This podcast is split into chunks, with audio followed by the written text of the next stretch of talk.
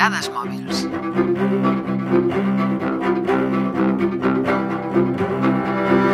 Els robots cada vegada poden fer tasques més sorprenents. Pujar escales sense perdre l'equilibri, muntar totes i cadascuna de les peces dels nostres cotxes a la velocitat del llamp, cirurgies de precisió, jugar al tenis taula o entendre el que els hi estem dient a la perfecció. No te entiendo. Per tant, la lògica ens podria portar a pensar que potser la nostra feina estarà en perill aviat. Doncs sí, sembla que sí. Algunes més que d'altres, però...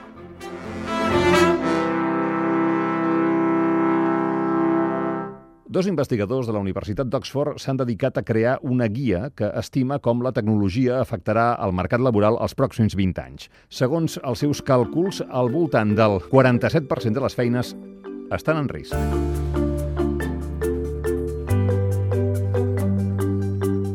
Mentre que la computerització històricament s'ha limitat a tasques rutinàries, els algoritmes que utilitzen la Big Data cada vegada tenen més capacitats per reconèixer patrons i, per tant, poden substituir fàcilment una àmplia gamma de treballs que requereixen tasques cognitives no rutinàries. Asterisc, eh, nota peu de pàgina. La Big Data, o dades massives en català, és el conjunt de dades que pel seu volum, la seva naturalesa i la velocitat a la que han de ser processades ultrapassen la capacitat dels sistemes informàtics habituals. Anem, doncs, al moll de l'os, el que tots estem esperant. Qui té més números per anar-se'n al carrer? Al capdamunt del rànquing estan els teleoperadors amb un 99% de possibilitats de desaparèixer. En segon lloc, amb un 98%, segons aquest estudi, estan els banquers i els comptables, substituïts per caixers automàtics i software. I molt a prop els segueixen els joiers, cambrers, ajudants de cuina i, atenció, els àrbitres. Eh, Cap al mig de la llista hi ha, per exemple, els barbers, amb un 79,7%, els llibreters, amb un 64,9%, els programadors, amb un 48%, o els actors amb un 37,4%. Eh, Pixar ja fa anys que està treballant eh, en aquest aspecte. I, finalment, els que tenen menys possibilitats de desaparèixer són els treballadors socials, amb un 0,3%, els coreògrafs, amb un 0,4%, i els capellans, amb un 0,8%. Eh, per cert, per si us ho preguntàveu, eh, sobre els periodistes, ja hi ha algun test pilot que ens col·loca a la corda fluixa. Fa un parell d'anys, l'empresa de software Narrative Science va fer una prova en un partit de béisbol aconseguint que el seu robot fes una crònica del partit amb absoluta coherència gramatical i força precisió dels fets, tot i que, segons l'estudi, només tenim un 11,4% de risc Per tant, sembla que tenim el futur assegurat. I si aquestes teories s'acaben complint, com seria un món sense feines? Dadesmòbils.com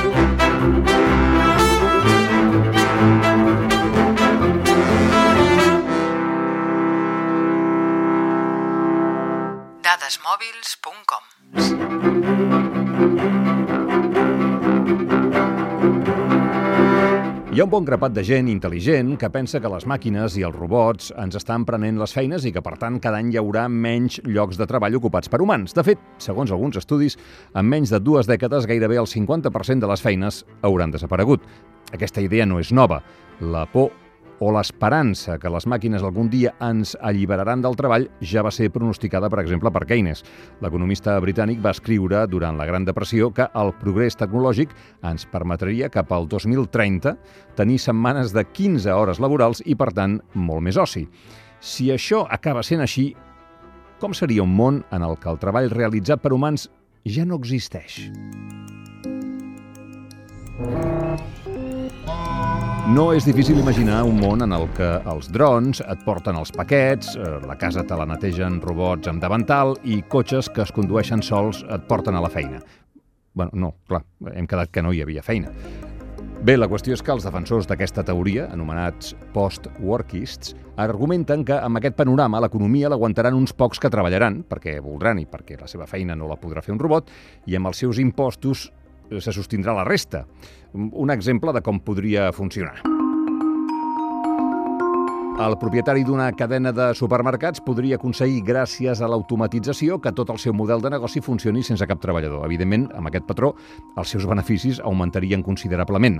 Aquesta seria una altra norma d'aquesta futura societat. Els rics cada vegada serien més rics, però també pagarien més impostos que mai i d'aquí sortirien els sous o pensions dels que no treballen que podrien tornar a comprar al supermercat. De fet, els polítics ja comencen a coquetejar amb la idea del sou universal. El primer ministre finlandès Juha Sipila ha dit que té la intenció d'experimentar en algunes zones pilot del país un sou per tothom de 1.000 euros mensuals. Pot semblar utòpic, però segurament també li hagués semblat utòpic a algú de fa 100 anys la societat del benestar eh, d'avui en dia. I ara, I ara és un bon moment per l'anècdota. El 1950, Henry Ford II, el conseller delegat de Ford, i Walter Reuter, cap del sindicat United Auto Workers, estaven de gira en una nova planta a Cleveland. Ford es va aturar davant d'unes màquines i va dir Walter, com aconseguiràs que aquests robots paguin les quotes sindicals? i el cap del sindicat li va contestar Henry, com aconseguiràs que comprin els teus cotxes?